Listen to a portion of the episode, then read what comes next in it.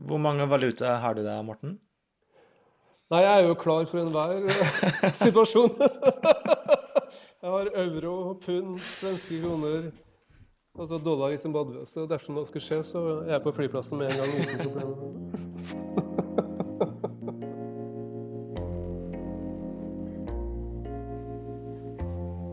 Frykten for inflasjon har preget politikk og samfunn i mange tiår. Og siden finanskrisen har alt ligget til rette for at inflasjonsmonsteret skal våkne til live igjen. For når pengetilgang øker mer enn produksjonen i et samfunn, så skal det etter læreboka bli inflasjon. Hvor har den blitt av? Er vi kvitt den for godt, eller venter den på oss rett etter koronakrisen? Du hører på Dag og Tids ukentlige podkast, hvor vi nærmere undersøker én av avisas saker. I denne episoden skal vi prate med journalist Per Anders Todal og direktør for samfunnskontakt i Sparebank1, Morten Søberg, om inflasjon. Økonomiens verste påfunn. Med oss i det virtuelle studioet vårt, da har vi journalist i Dag og Tid, Per Anders Todal. Velkommen. Takk. Og som gjest har vi også med oss Morten Søberg. Velkommen, Morten. Takk, takk. Morten, som, eh, som spesialgjest i dag, har du lyst til å introdusere deg for lytterne våre? Ja, det kan jeg godt. Jeg heter Morten Søberg. Jeg jobber eh, til daglig som eh, direktør for samfunnskontakt i Sparebank1. Jeg sitter også i representantskapet i Norges Bank. Og så har jeg tidligere vært statssekretær i Finansdepartementet og er utdanna samfunnsøkonom, eller sosialøkonom som det heter i min tid. Nå skal vi høre om inflasjonsmonsteret, som du, Per Anders, skrev om i Dag og Tid 22.1. Fortell oss om artikkelen og hvorfor du interesserer deg for det økonomiske fenomenet inflasjon. Jeg var en flittig Donald-leser eh, på 70-tallet og eh, en av historiene het 'Pengeregn'. og Det handla kort fortalt om at eh, ei skypumpe reiv taket av pengebingen til onkel Skrue og spredte alle pengene hans utover hele Andeby. Så alle i Andeby ble millionærer. Alle, alle slutta jobben sin og tok ferie. De var jo blitt rike. Onkel Skrue tok der med stor ro og begynte å dyrke jorda og produsere mat, for det hadde ingen andre som gjorde. Og ganske snart begynte folk å bli sultne, og alle millionærene kom til onkel Skrue og skulle kjøpe mat, men da kosta hvert egg en million kroner. Og snart hadde onkel Skrue fått tilbake alle pengene sine. Den historien ga meg i hvert fall en slags idé om hva inflasjon er. Eh, knapphet på varer, stor etterspørsel, så går prisene voldsomt i været. Og det jeg husker særlig fra 80-tallet, var at inflasjon var en sånn skrekk Eh, et slags eh, troll som en måtte passe for i eh, politikk og samfunnsøkonomi. Dette var et beist en måtte tøyle, det måtte ikke være for mye penger i omløp i samfunnet. Men så har jeg jo sett på utviklinga nå siden finanskrisa. Det har blitt ausa ut ufattelig mye penger fra sentralbankene verden rundt. Renta ligger på null eller litt over null. Det har vært enormt mye penger i omløp, og likevel har da ikke inflasjonen vendt tilbake. Prisstigninga har heller vært for lav enn for høy. Så målet mitt med denne artikkelen var å finne ut hvor inflasjonen har blitt av, egentlig. Før vi skal finne ut av det, så lurer jeg på hva er egentlig inflasjon for noe, Morten? Ja, eh, vi kjenner jo til ordet inflasjon eh, fra, fra dagligtalen i og for seg. Ikke sant? Man sier jo ofte at det har gått inflasjon i noe. Det betyr at det har blitt for mye av det. Eh, men når vi snakker om inflasjon og økonomi, så er det vel strengt tatt snakk om en sånn vedvarende økning i det generelle prisnivået. Så det er ikke snakk om et enkelt hopp i en eller annen pris, men det, det, er som om havet stiger, altså at alle, alle priser øker og øker, og, og, gjerne veldig fort. Hvorfor skjer det? Det, det er jo på en måte to innganger til det. ikke sant? Altså På den ene sida så, så, kan priser begynne å øke fordi, fordi kostnadene stiger. Eh, så da er det snakk om kostnadsskapt inflasjon. og liksom Et eksempel som vi kjenner til fra 70-tallet, er at oljeprisene eh, økte voldsomt og fort og satte i gang store prisøkninger. En annen årsak kan jo være såkalt gode lønnsoppgjør, så høye tillegg i, i lønn. Så Det er ene, det ene utgangspunktet. Det andre utgangspunktet er jo at det kan være snakk om etterspørselsskapt inflasjon. og Da handler det om at du får en, en økning i etterspørselen etter varer og tjenester som, eh, som, gir seg utslag i økte priser på varer og tjenester på, på kort sikt. Og Det neste spørsmålet er jo, etter at du har fått en sånn impuls, da, at det har, at har starta, hvorfor det varer ved og igjen er det to innganger, eller to mulige svar. Det ene er jo såkalte lønns- og prisspiraler. Så når, når, priser av en eller annen grunn øker veldig og fort, så vil det være en tendens til at um, folk flest vil ha kompensasjon i form av økt lønn, og så har du det gående i form av spiraler. Og den andre eh, teorien eller forklaringa er jo at eh, inflasjon vedvarer som funksjon av at pengemengder øker, og at eh, stadig mer penger i omløp eh, slår ut eh, sånn én-til-én-forhold, ofte i form av økte priser. Det gir for så vidt mening. Jeg skjønner at det kan skje. Um, men jeg skjønner ikke hvorfor det skal være farlig. Spesielt ikke når folk går opp i lønn, har mer kjøpekraft. Er ikke det fint? Jo, altså um, som, eh, som, Per Anders var, var inne på, så, så, husker jo flere av oss uh, kanskje at inflasjon var et mye større uh, tema på 70- og 80-tallet. Og da, da, hadde vi jo høyere inflasjon enn i dag, men ser du på f.eks. Skandinavia fra liksom 1973 til 86, så var inflasjonen i gjennomsnitt 8% per år. De landene som var hardest ramma, om vi skal bruke det uttrykket, sånn som Italia, Spania, New Zealand, der lå det på 12-14 eh, Så kan du si når prisene øker med liksom 8-10% i året, er det et uh, stort problem. Litt sånn ja og nei. Altså, det, er, klart, I utgangspunktet så får du jo får du redusert uh, kjøpekraft. Har du formue, så blir formuen din mindre verdt. Men jeg vil nok si at inflasjon er først og fremst et alvorlig samfunnsproblem dersom den eh, løper løpsk, du får hyperinflasjon, at selve betalingssystemet bryter sammen. Eh, samfunnet i og for seg òg, men det er jo veldig veldig sjeldent. Eh, og, så man kan kanskje sånn i ettertid si at muligens var problemet overvurdert. Men, men det som er klart, er, er uansett at det var tatt på stort alvor. Jeg kan jo skyte inn, skyte inn, en ting der. For mange var jo også inflasjonen en velsignelse fordi eh, den spiste opp huslåna til folk. Så de fikk veldig billige hus takk være inflasjonen. Er det en sånn uh, fordelingsmekanisme òg, at på en måte de rikere som har mye formue, blir litt fattigere, mens de fattigere kanskje får økt lønn? Um, sånn at det også kan ha noen positive sider ved seg? Ja, altså Hovedpoenget her som du er inne på, er jo at inflasjon har, har, noen um, fordelingseffekter.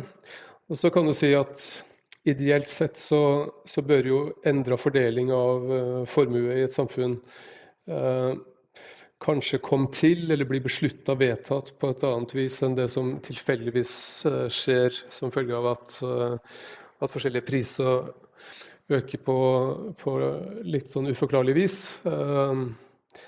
Men, men, generelt sett så er man jo kanskje opptatt av at, av at samfunn skal være stabilt, at det skal være forutsigbart.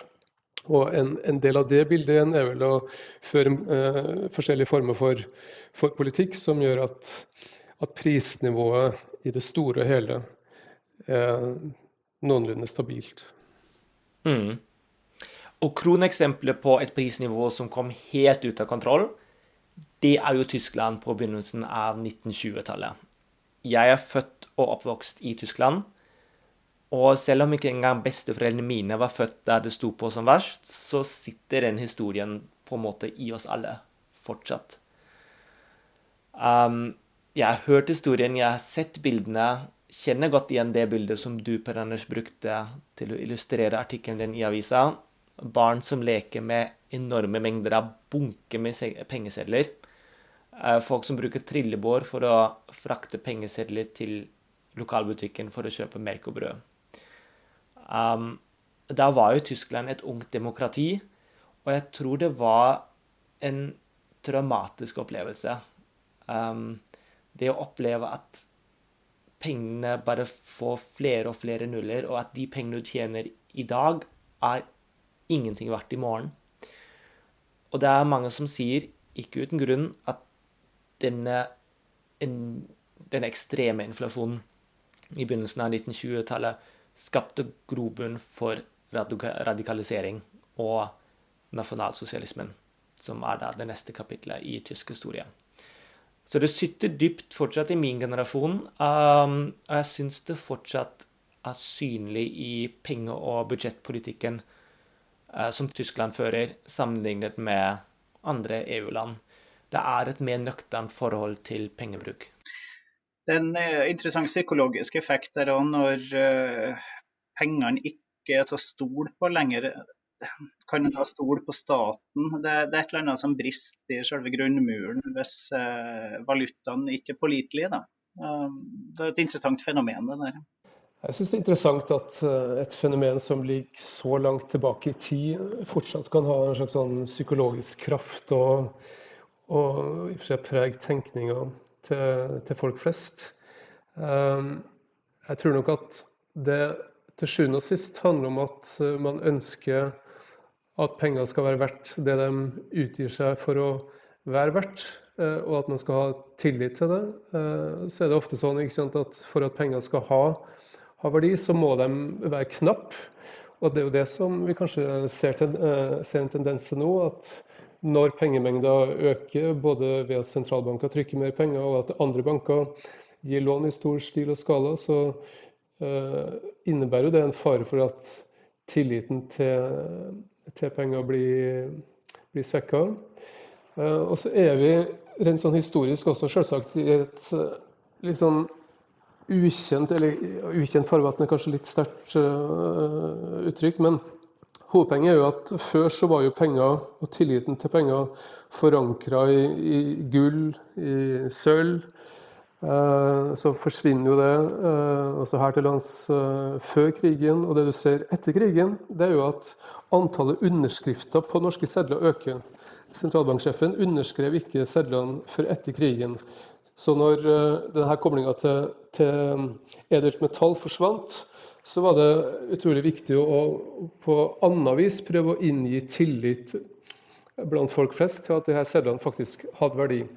Og den dag i dag så ser du at jo flere underskrifter det er på en seddel, jo lavere verdi har den. Fordi det, det, er, det er, snakk om et forsøk på, på forskjellig vis sant, å inngi tillit til at det her faktisk er penger. Um, men men det som vi sitter igjen med i dag, er nok at folk har tillit til, til penger som en funksjon av tillit til de institusjonene som forvalter pengestellet, og til den overordna økonomiske politikken som blir ført. Og Det er vel kanskje i lys av det at jeg, at jeg tenker at denne vyrdnaden for, for, sentralbanken som du har funnet i Tyskland, særskilt etter krigen, kan, kan forstås. Da du, du, har ikke gull, du har ikke knapphet, men du har eh, noen sånne systemviktige institusjoner som du eh, håper og tror skal gjøre at pengene er verdt noe. Jeg syns det er en interessant politisk dimensjon ved inflasjonen. Eh, I hvert fall slik den ble håndtert tidligere. fordi eh, slik jeg husker det fra 90-åra og tidlig på 2000-tallet, så eh, var angsten for overoppheting eh, veldig stor i Norge. Dette var et tema som var veldig mye på dagsorden. Det måtte ikke bli for eh, romslige eller ekspansive statsbudsjett, for da kunne vi få overoppheting. Eh, det måtte ikke være for gode lønnsoppgjør. Eh, og så hadde alltid sentralbanksjefen som sto der og uh, trua med at uh, hvis lønnsoppgjøret nå blir for sjenerøst, så må jeg sette opp renta. Så her var sentralbanksjefen både i Norge og i mange andre land en slags politisk overdommer eh, som sa hvor godt kan et lønnsoppgjør være, og hvor stort kan statsbudsjettet bli. Nå har jo alle godt av disiplinering, tror jeg, enten det er barn eller voksne. Men denne streng foreldrerollen til sentralbanksjefen eh, syns jeg er svært interessant å tenke tilbake på, særlig nå når inflasjonen ikke har vist seg på veldig mange år. Og det en kan lure på er jo om eh, en kanskje var om regjeringene i ganske mange land var for tilbakeholden en periode med budsjettpolitikken sin, rett og slett for å unngå inflasjon, som kanskje ville komme, eller kanskje ikke ville komme. Det, det er vanskelig å si etter ettertid. Ja, hva tenker du, Morten? Du fikk jo på en måte sterkere sentralbanksjefer og mer uavhengige sentralbanker som, eh, som politiske tiltak mer sånn overordna for å få ned inflasjonen. Og her, altså, her til lands vil jeg si at det kom, kom ganske seint. Eh, har det, har det kjente tyske eksempler, selvsagt, men, men, uh, men, et annet land som uh, ofte blir, blir, omtalt i denne sammenhengen, er jo, er jo New Zealand, som også, som jeg nevnte tidligere, hadde store problemer med forholdsvis høy inflasjon på 70- og 80-tallet. Og så fikk man en ny sentralbanklov som tok til å gjelde i 1990. Eh, med, som handla om at sentralbanken ikke bare skulle bli mer uavhengig av, eh, av, eh, av, politikken, men også ha et veldig tydelig og klart mandat om å få ned inflasjonen. Den første, og Han som var sentralbanksjef i denne første perioden, Donald Brash, han møtte jeg faktisk. Jeg dro ned til New Zealand i 1998. og Han fortalte at uh, i det tidligere utkastet til lov så var det også snakk om at lønna hans som sentralbanksjef skulle være avhengig av i, i hva grad han fikk ned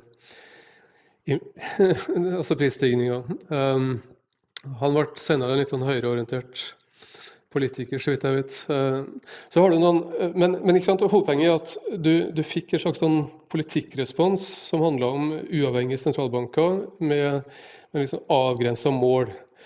Så har du, uh, har du, en del andre tiltak som også har vært satt ut i livet. F.eks. Island er jo det landet i Norden som i moderne tid kanskje har hatt største utfordringer med, med inflasjon. Der, der tok man i, i 1981 uh, rett og slett å bare fjerne to nuller fra alle sedler i et forsøk på å liksom få ned, få ned tallene.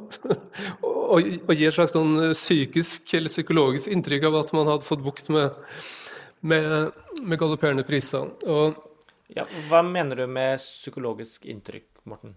Dersom du kommer i en situasjon uh, der, uh, der, tallet på, på nuller simpelthen øker veldig, uh, sånn at du på papiret er milliardær, men i praksis har kjøpekraft som ei, kirkerotte, så er det et eller annet som er ute av synk.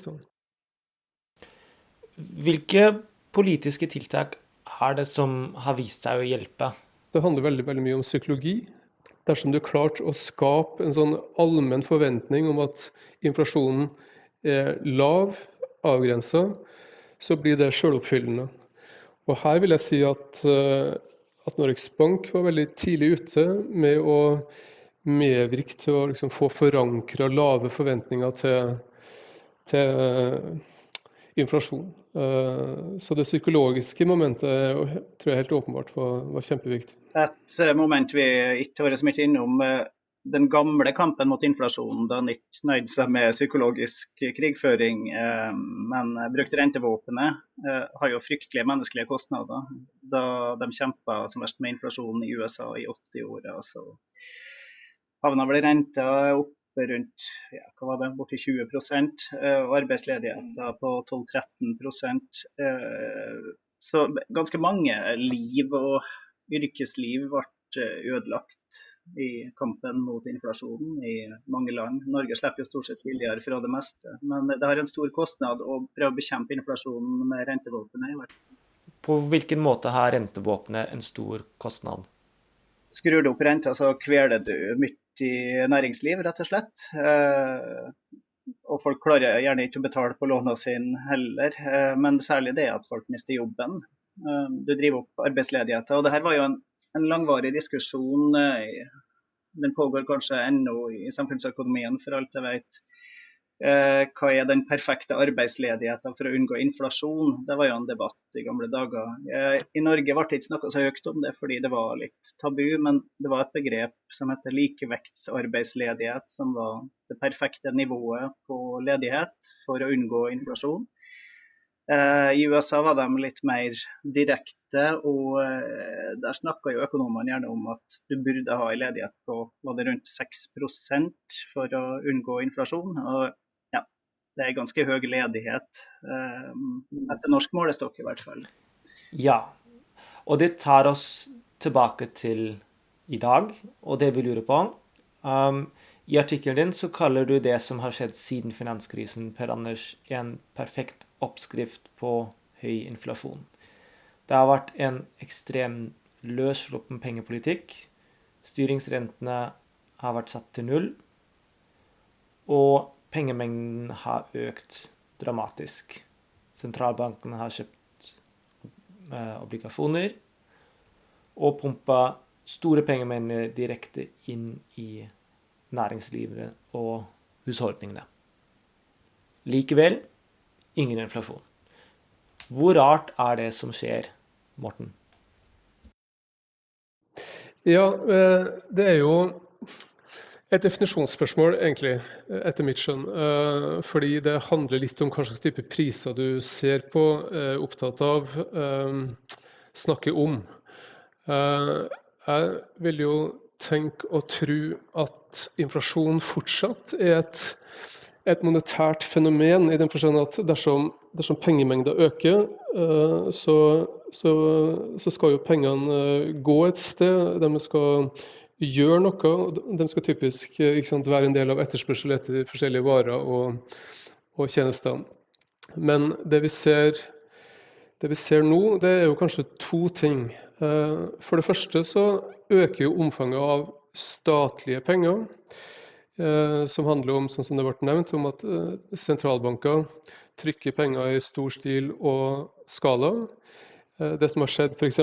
siste året etter utbruddet av denne pandemien, er jo at, at balansene til sentralbankene i, i eurosona, USA, Storbritannia har økt med ca. 20 uh, De pengene som har blitt skapt uh, da, har jo for en stor del gått til å finansiere offentlig gjeld, altså underskudd på, på statsbudsjett. Det er det ene. Men det andre er jo også at omfanget av privatskapte penger av vanlige banker har jo økt, og her til lands veldig og markert de siste 20-25 år. Hvor har de pengene for det aller meste havna? Jo, eh, i boligmarkedet. Og hva har vi sett som, som, følge av det? Jo, vedvarende økning i boligprisene. Og det er jo også på sett og vis eh, en form for inflasjon, selvsagt, men eh, det er da priser som som eh, skal vi si, faller utenfor målet om en sånn vedvarende lav prisstigning generelt sett. Men Det er et definisjonsspørsmål. Jeg vil si at du har sterk og høy inflasjon, men det er altså avgrensa til, til, boligmarkedet. Og Her er ikke vi et unntak. Du ser det samme i f.eks. Sverige osv. osv. Ja, for boligpriser er jo ikke en del av det som heter konsumprisindeksen, som ofte blir brukt som målestokk for inflasjon. Vi vet jo også at spekulative bobler, enten det er i aksjemarkedet eller boligmarkedet, kan ha sine egne svært negative sider når boblene først blir punktert. Men det er veldig gøy så lenge det varer. Men hvorfor kommer ikke den forventede inflasjonen nå? Hvorfor stiger ikke alle prisene? Der snakka jeg en del med Morten mens jeg jobba med artikkelen og fikk en del gode innspill. og det har nå eh, for så vidt andre har pekt på som en sentral forklaring.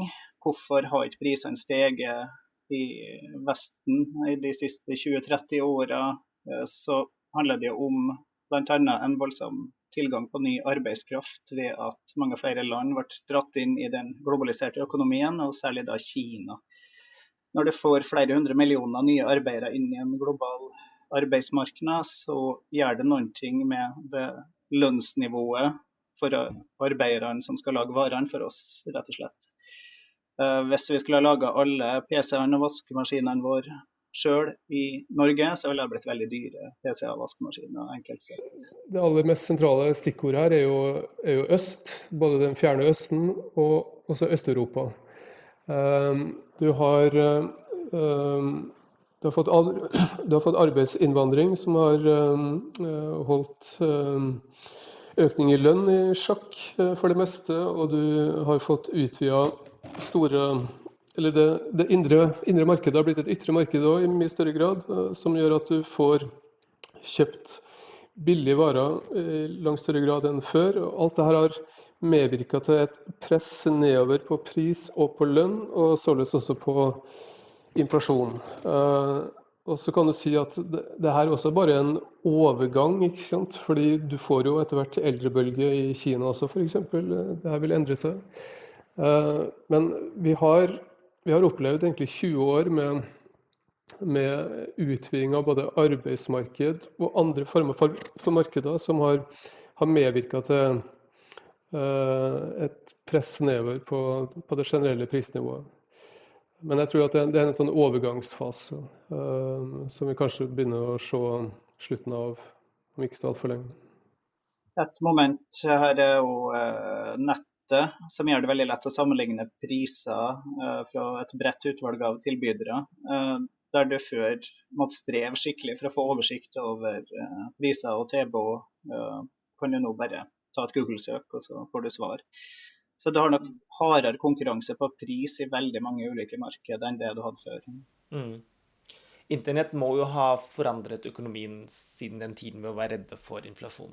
Um, altså bare ta oss som avis. Selger vi aviser digitalt, så kan vi plutselig selge uendelig mange eksemplarer uten at det øker produksjonskostnadene. Samtidig som forventningene til gratisprodukter er større, og konkurransen er større.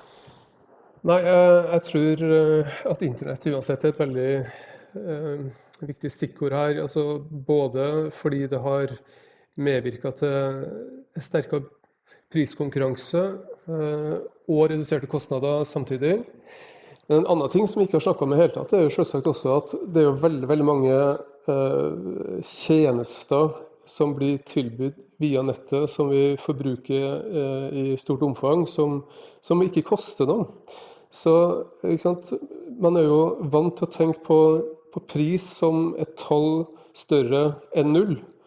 Eh, men nå så tror jeg stadig flere har lært seg til å se på, på et vell av tjenester som, som, er helt gratis. Eh, og det kan også kanskje ha vært med på å påvirke forventninger til inflasjon mer allment. At man, det er så mye man forbruker egentlig nå i forhold til tid som, som, du ikke betaler for. Uh, som, som, kanskje gjør også på et eller annet sånn besynderlig vis at du forventer lave priser eller lav prisvekst på en del ting.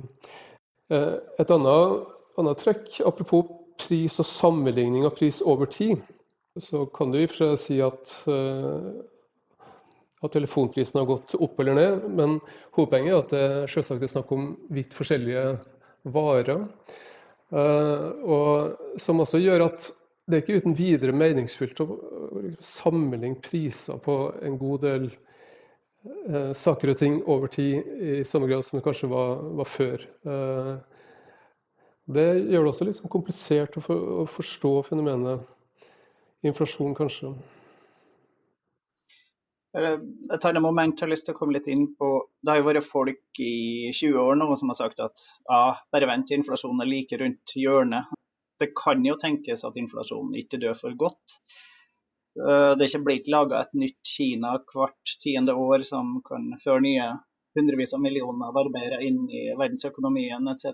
Eh, vi blir eldre både i Vesten og i Østen det er jo tenkelig at inflasjonen kan vende tilbake. og Da kan uh, bildet bli ganske interessant, hvis du ser på hvor forgjelda uh, statene verden over er nå, og husholdningene for den del. Uh, hvis det kommer renteøkning for å få bukt med en gryende inflasjon, hva skjer da?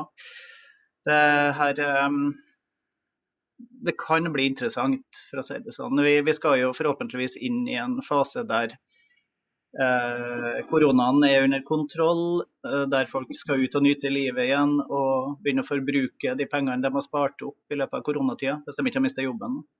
Så eh, hvis vi nå får en eh, inflasjon av gammelt merke, da må gudene vite hvordan ting kommer til å utvikle seg.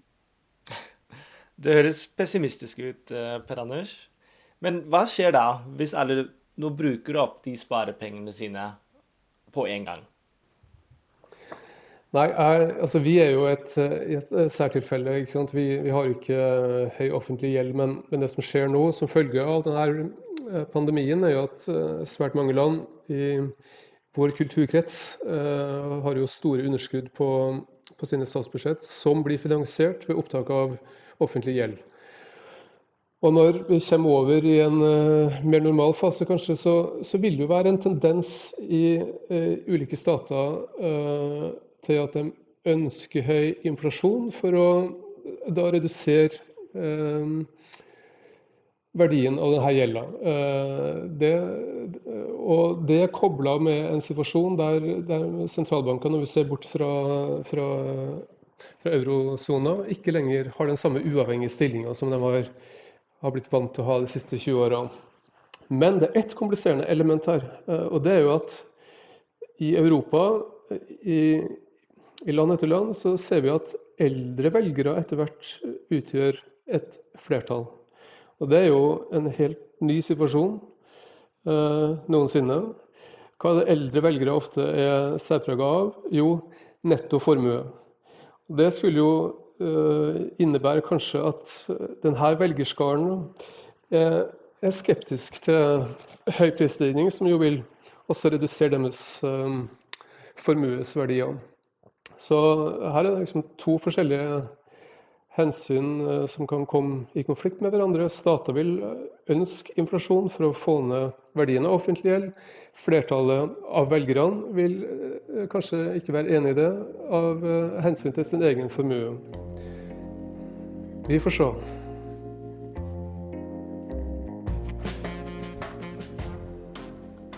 Ingen vet om det kommer nye inflasjoner, men det er sikkert at fenomenet fortsatt kan gi gode samtaler. Tusen takk til dere, Morten Søberg og Per Anders Todal. Hva tenker du? Hvilken effekt har begrepet inflasjon på din økonomiske atferd? Skriv til oss om det, og om hva du syns om podkasten til gregor1dagotid.no. Du hørte på Dagotid-podkasten. I studio var jeg, Gregor Falkner. Produsenter var Sofie Meirones, Ida Palin og jeg. Takk for at du lyttet. Vi er tilbake neste uke.